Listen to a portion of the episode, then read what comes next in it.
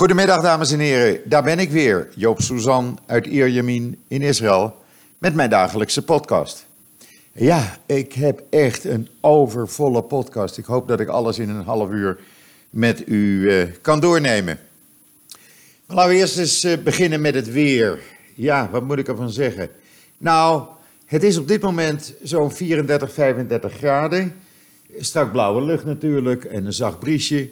Maar langzaam, heel langzaam wordt het, uh, gaat de temperatuur richting normaal voor deze tijd. En wat is richting normaal? Nou, dat is zo'n 30, 32 graden. Uh, vanmorgen voor het eerst in weken was het uh, slechts 23 graden om 6 uur. Toen ik met de hond ging lopen en dat voelde al zo lekker. Ik genoot daar echt van. Uh, en die echte hitte die bleef hangen, ja, dat is minder geworden. Dat is een stuk minder. Dus hopelijk tegen het eind van de week hebben we zo rond de 30 graden. Nou, dan is, uh, dat is draaglijk, dat is normaal, dat is lekker. En uh, dan kan de airconditioning ook eens een graadje lager. Want dat ding staat, staat alsmaar, ja, ik heb hem op 25 graden, maar hij blijft aan, en af, aan en uit gaan de hele tijd. Maar goed, ik ben blij dat hij er is en dat er airconditioning in huis is, zodat het lekker koel cool blijft.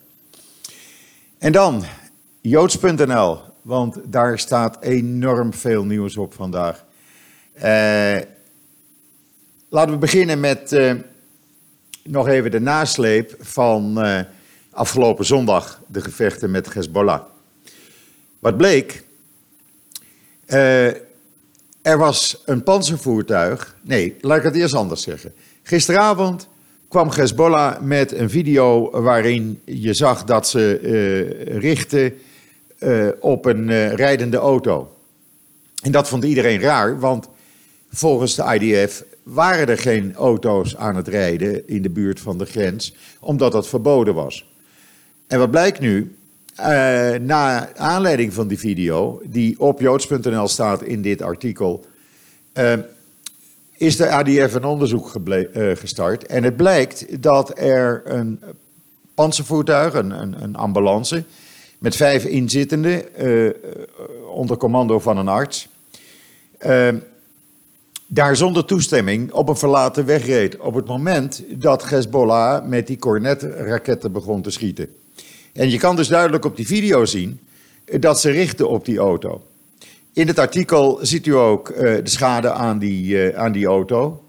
Die uh, gepantserde, ja, wat is het? het? Is een panzervoertuig waarmee gewonden worden afgevoerd van het slagveld. En je ziet dat die auto beschadigd is, een lekker band heeft en wat andere schade. en je ziet dus in die video heel duidelijk dat er op ze gericht wordt. Je kan dus echt nu zeggen dat uh, de IDF alle geluk van de wereld heeft gehad. Dat, er, uh, dat die raket dus uh, ja, het doel niet geraakt heeft. Want anders hadden er absoluut doden of in ieder geval vijf zwaar gewonden gevallen. Um, de rapporten, of, of dit, dit, dit, hele voorval, dat spreekt dus ook het rapport tegen van de IDF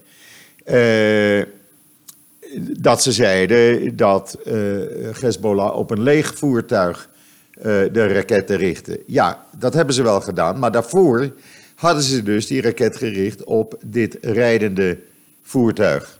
Het was uh, het type Wolf panzervoertuig. Ehm,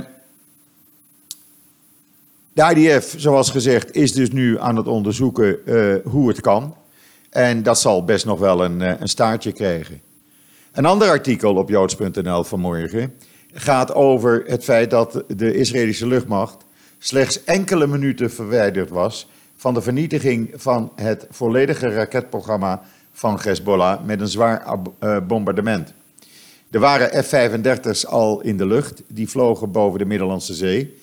En uh, men wachtte eigenlijk op het seintje om uh, te bombarderen.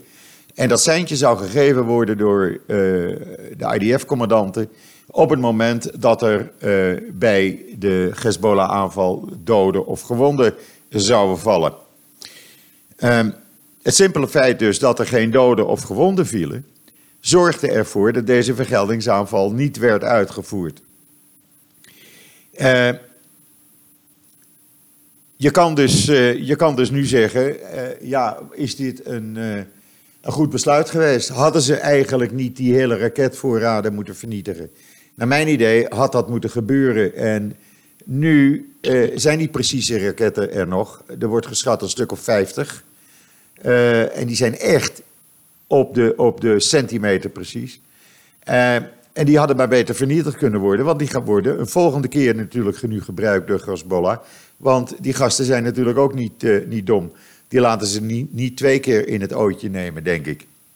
Maar goed, lees het artikel, uh, zie de video en de foto's en dan bent u volledig op de hoogte. En dan een artikel op joods.nl over de mufti van Jeruzalem. Dat is de hoogste religieuze Palestijnse uh, vertegenwoordiger in Jeruzalem. Hij is benoemd in 2006 door Abbas zelf. En de man uh, hekelde in een toespraak gisteren uh, de aanvallen, tussen aanhalingstekens, van, tegen Palestijnse religieuze symbolen in Jeruzalem.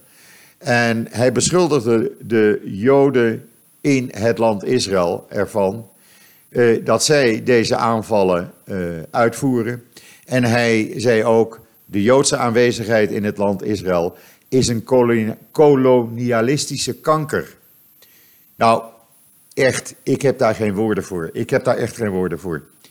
Uh, het, het, de, de Palestinian Media Watch, een NGO die dus de Palestijnse media in de gaten houdt, die kwam hier eigenlijk mee is opgepikt door de Israëlische kranten en andere media. En hij uh, uh, schijnt dit gezegd te hebben volgens uh, de website van de Supreme Fatwa Council, waar dat artikel op staat en waar ook een link in het artikel op JoodsNL naartoe verwijst.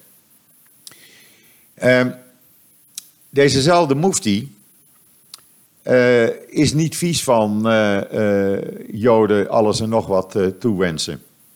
Hij had in 2006, kort na zijn benoeming, had hij al in een toespraak gezegd dat het legitiem is om uh, uh, verzet, zoals zelfmoordaanslagen, uit te voeren tegen Zionisten. In 2012 citeerde hij in het openbaar een oude islamitische tekst die moslims aanmoedigde om Joden te doden. en die toespraak werd uitgezonden op de Palestijnse televisie. En in 2015 uh, eh, maakte hij het nog bonter, want toen vertelde hij in een interview dat er nooit een Joodse heilige plaats op de Tempelberg in Jeruzalem was. Daarmee even gewoon 3000 jaar oude Joodse geschiedenis uh, van tafel vegend. Hij was ook de man die uh, tijdens het Eid al-Adha-feest wat tegelijk viel in augustus met Tisha B'Av, de Joodse feest, treurdag. Uh, was hij de man die de Tempelberg afsloot om te voorkomen dat Joden daar naartoe zouden gaan. En dan op joods.nl een, uh, ja, een ander artikel wat denk ik in Nederland niet bekend is. Uh, misschien nu wel, nu het op joods.nl staat. Want volgens een rapport wat gisteravond verscheen in Yahoo Nieuws, eh, was het een Iraanse eh, mol, een Iranier, die werkte voor de Nederlandse inlichtingendienst AIVD.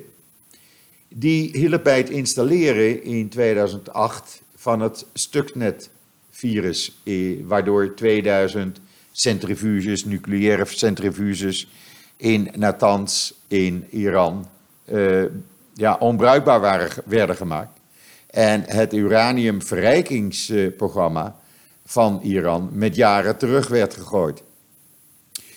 Um, uit meerdere bronnen blijkt nu dat deze man, deze Nederlandse uh, of deze Iraanse uh, agent, die dus voor de Nederlandse AIVD werkte, uh, dat hij degene is die waarschijnlijk de, het sticky met het virus in Natanz in uh, de computers heeft weten te plaatsen. Ehm, waarom deze Nederlandse of voor, Nederlander, voor Nederland werkende mol te gebruiken. Nou, hij was daar bekend. Hij werkte voor Nederland.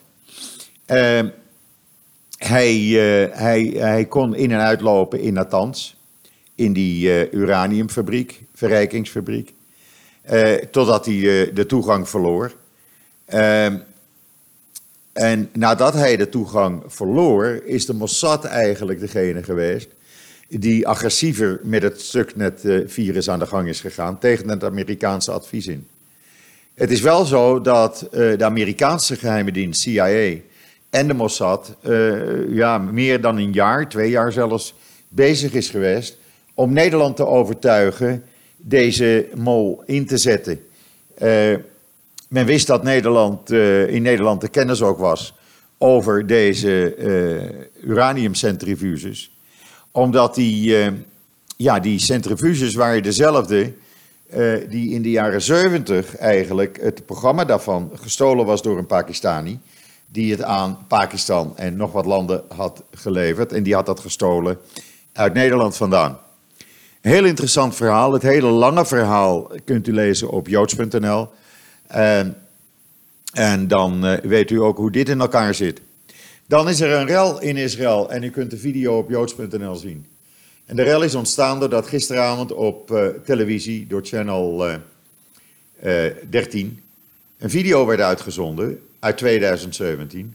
Waarin een, een schreeuwende en, en tierende Netanyahu tekeer gaat tegen de toenmalig minister van Communicatie, uh, omdat hij niet deed wat Netanyahu wilde. Uh, in 2017, en daarom maakt het zoveel ophef, werd Netanyahu al onderzocht voor corruptie met betrekking tot uh, zijn tijd als minister van Communicatie, wat hij daarbij deed als premier, waarbij hij een bevriende media-gigant ja, uh, uh, zeg maar een deal in het vooruitzicht stelde, waardoor die man 100 miljoen dollar kon verdienen. Dat is een van de zaken waar Netanyahu voor is onderzocht en waar het bewijs ervan is. En wat een rol speelt op 2 en 3 oktober tijdens de hoorzitting tegen hem. Om te bepalen of hij definitief al of niet wordt aangeklaagd. Maar het feit dat uit deze uh, video blijkt dat hij in 2017 eigenlijk nog de opdrachten gaf, terwijl hij uh, eerder die uh, portefeuille communicatie had moeten opgeven vanwege dat strafrechtelijke onderzoek. Ja, dat, dat maakt in, in Israël nogal wat los. Het hele verhaal nogmaals te zien op joods.nl. Dan, ook op joods.nl, in 2018 zijn er uh, eh, 73 bedrijven opgericht door Israëlische universiteiten. Uh, door uh, onderzoeksinstellingen en gezondheidsorganisaties. En daarbij moet u denken aan de vier ziekenfondsen die er in Israël nog bestaan. En die hebben dus 74 bedrijven op, 73 bedrijven opgericht, 623 nieuwe patenten aangevraagd en 329 nieuwe licentieovereenkomsten afgesloten met bedrijven. En dat alleen al in 2018. Volgens dat rapport eh, laat het zien waarom Israël wereldwijd een van de meest gewilde technologie-overdrachthubs is. Want deze gegevens, hieruit blijkt namelijk dat Israël een wereldleider is in academisch-industriële samenwerking. En dan is het door het vooraanstaande Israel Demo Democracy Instituut uh, eind juli een onderzoek geweest onder de Israëlische bevolking. Dit is een heel betrouwbaar uh, uh, instituut, het Israel Democracy Instituut. En daaruit blijkt dat 45% van de bevolking in Israël vindt dat het economisch beleid slecht wordt uitgevoerd. 26% gaat daarvan zelfs zo ver door te zeggen dat de regering heeft gefaald met het economisch beleid. Het onderzoek maakt ook duidelijk dat het, uh, de meerderheid van het Israëlische publiek denkt dat hogere belastingen niet echt worden gebruikt voor het verbeteren van de diensten die de staat aan zijn burgers biedt. En dat verklaringen over de economie of economische beloften totaal geen betekenis hebben en niet worden geloofd. Uh, uit de peiling blijkt ook dat het uh, Israëlische publiek zich ernstig zorgen maakt over een aantal sociaal-economische kwesties. En dat het van mening is dat de begrotingen voor gezondheid, onderwijs, sociaal welzijn en vervoer moeten worden verhoogd. Uh, er is wel enige steun voor een hoger defensiebudget. Maar een derde van de respondenten is van mening dat er over de hele linie bezuinigingen moeten worden doorgevoerd. En vooral omdat het begrotingstekort uh, gierend uit de hand loopt. Dat ligt op dit moment op 3,9 procent. En de geruchten gaan dat het uh, de 4 procent binnenkort zal aantikken en zelfs er overheen gaan. Dus dat, uh, ja, het hele, het hele onderzoek met alle percentages kunt u lezen op joods.nl. En dan, Netanyahu probeert het allemaal Trump te bewegen een defensiepact met Israël aan te kondigen. Daar wordt al jaren over gesproken, uh, ruim tien jaar. Maar dat ligt niet zo eenvoudig en dat moet, kan Trump niet zelf bepalen, want dat moet ook nog door de Senaat en het Huis van Afgevaardigden. Maar Netanyahu vindt dat Trump dat maar moet zeggen, want dat zou Netanyahu helpen de verkiezingen te winnen, denkt hij. En dan meneer Deri, de minister van Binnenlandse Zaken, die ook uh, de voorzitter is, uh, of de fractieleider om het zo maar te zeggen, van de religieuze partij Shas die in de regering zit. Die beweerde vanmorgen in alle kranten in Israël dat hij eerder dit jaar door Likud-officials gevraagd was een regering te vormen, dat was dus na de verkiezingen in april, zonder dat Netanyahu daarbij betrokken zou zijn. En uh, dat verzoek werd gedaan om te voorkomen dat er nieuwe verkiezingen zouden komen. Nou, Deri heeft daar niet aan willen voldoen. Eh, met het gevolg dat we dus nu op 17 september opnieuw verkiezingen kregen.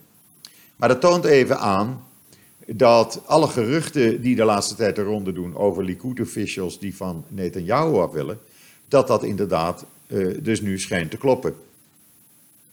En dan de procureur-generaal, die heeft zich uitgesproken dat hij het geen probleem vindt dat er informatie over uh, bewijzen tegen Netanyahu worden gelekt. Of dat er uh, wordt gelekt uit verhoren die met allerlei mensen in die zaken rond Netanyahu zijn gedaan. Hij vindt dat geen probleem. We leven in een open samenleving. En als dat wordt gelekt, dan is het maar zo. En dan Amazon. Die komt uh, op 12 september met een Israëlische website eindelijk. Daar wordt al maanden over gesproken. Er zijn uh, honderden Israëlische bedrijven die zich al bij Amazon hebben aangemeld. En dat is dus uh, ja, een kleine twee weken voordat de Joodse feestdagen op eind september beginnen. De periode van vier weken waarin Rosh Hashanah, Yom Kippur, Sukkot en Simchat Torah worden gevierd. En dan Iran, die weigert toegang uh, aan UN-inspecteurs tot het gebouw waar vanuit Israël uh, jaar, begin verleden jaar, 100.000 documenten had, ja, laat ik maar zeggen, meegenomen. Om te bewijzen dat Iran aan een kernproject werkt.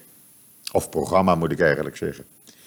Uh, nou ja, het is wel duidelijk waarom Iran uh, die toegang weigert natuurlijk, want er liggen te veel bewijzen waarschijnlijk in dat gebouw. En dan is de Israëlische minister van Buitenlandse Zaken nu in Zwitserland, want hij uh, wil proberen dat de, een, een Zwitserse wet wordt veranderd. een wet waarbij Israëli's kunnen worden gearresteerd in Zwitserland, zodra ze in Zwitserland aankomen, voor oorlogsmisdaden tussen aanhalingstekens tegen de Palestijnen. Het doet mij een beetje denken, die Zwitserse wet, aan eh, de Tweede Wereldoorlog, waarin Joden werden geweigerd die op de vlucht waren voor de nazi's. En die werden aan de grens met Zwitserland geweigerd. En dan uh, het verhaal van de gevluchte Iraanse judoka. U heeft het allemaal op JoodsNL kunnen volgen. Said Moleh. Uh, hij zit nu in Duitsland. Hij wil dus nooit meer uitkomen voor Iran. Gaat dus onder Olympische vlag uitkomen. Gaat ook meedoen aan de Olympische Spelen. En hij is uitgenodigd door zijn uh, ja, collega uit Israël, die nu wereldkampioen is geworden, Sagi Muki. Uh, om in 2020 in Israël aan één of meer wedstrijden mee te doen. Hij heeft er nog niet op ge geantwoord, maar ik denk zomaar dat dat gaat gebeuren. En dan een artikel op mijn Twitterlijn, want niet alles komt in joods.nl. Oorlog en armoede drijven uh, vele Gazanen uh, ertoe om ondanks uh, alle gevaren een beter leven in Europa te zoeken.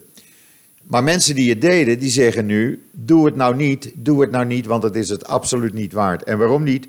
Omdat ze gevangen zitten, min of meer, in Turkije. Ze proberen vanuit Turkije, waar ze via Egypte naartoe gaan, Europa binnen te komen. En dat lukt ze niet. En ze worden ook door Turkije dus op een dergelijke manier behandeld dat ze eigenlijk zeggen, nou in Gaza is het, uh, kan je beter blijven.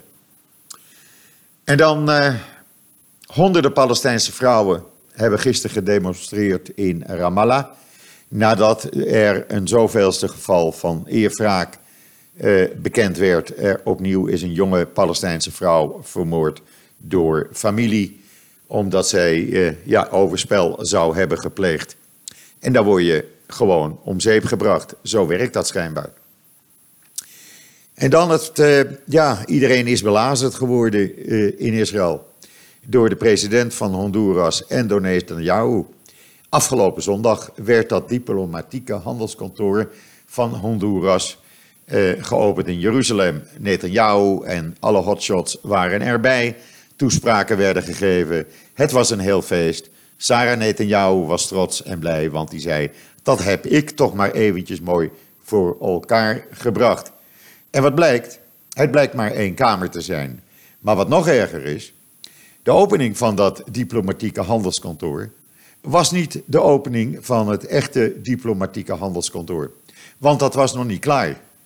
En uh, tegenover uh, de kamer, de suite waar het handelskantoor moet komen in uh, dat kantoorgebouw in Jeruzalem, zit een advocatenkantoor. En toen werd er aan die advocaten gevraagd, weet je wat, als wij nou even ons bordje van Honduras over jullie bordje heen hangen, dan doen wij net alsof dit, dit toegang is van het diplomatieke handelskantoor. Zo gezegd, zo gedaan. En iedereen geloofde het, totdat er uh, foto's verschenen vanmorgen, waaruit bleek dat dat bordje er weer af was gehaald en dat de deur, de toegang weer was tot het advocatenkantoor. Met het bericht erbij, ja, maar de kantoorruimte, de suite voor Honduras is nog lang niet klaar. Ja, dan hadden ze het beter maar uit kunnen stellen. Maar goed, het is gebeurd en uh, er wordt in Israël eigenlijk omgelachen. En uh, ja, het is een beetje afgang, vind ik, voor uh, alle hotshots en voor Netanyahu die daarbij was. Hadden ze het beter maar uit kunnen stellen. Maar ja, dat moest voor de verkiezingen nog gedaan worden als PR. Dus vandaar, dan zie je maar, haastige spoed is nooit goed.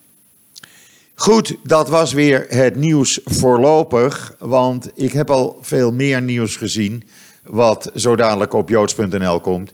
Onder andere dat uh, de uh, bedrijven die het water zuiveren, die dus uh, de desalation plants hebben, die dus uit zeewater water maken, die hebben de boel besodemieterd. Ik ga het zo dadelijk, ik denk dat het over een uurtje op joods.nl staat, dan kunt u dat lezen. En waar we heel blij mee zijn met joods.nl is dat wat wij sinds een aantal dagen doen, wat zeggen de Hebreeuwse kranten vandaag, dat dat, die rubriek, om het zo maar te noemen, of die artikelen, ongelooflijk veel gelezen en gedeeld worden.